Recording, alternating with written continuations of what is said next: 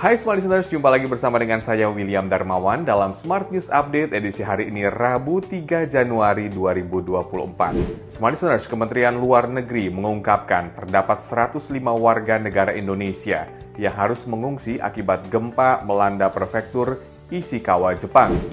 Direktur Perlindungan WNI dan BHI Kementerian Luar Negeri Yuda Nugraha menyampaikan mereka tersebar di beberapa titik, rinciannya 53 orang di Ogi, 25 orang di Suzu, dan 27 orang di Saika.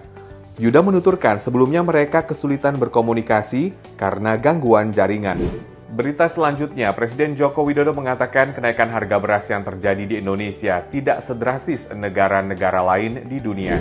Menurutnya yang terjadi saat ini yakni dunia mengalami keguncangan harga beras, Presiden pun memastikan stok cadangan beras di tanah air tetap aman agar stabilitas harga beras tetap terkendali meskipun musim panen mengalami kemunduran akibat fenomena El Nino.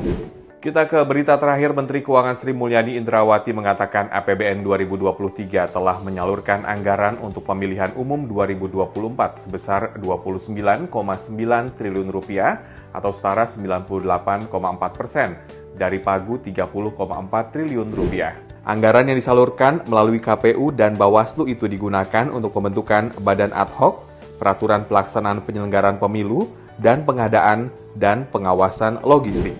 Sekian Smart News Update hari ini. Saya William Darmawan mengucapkan terima kasih. Sampai jumpa.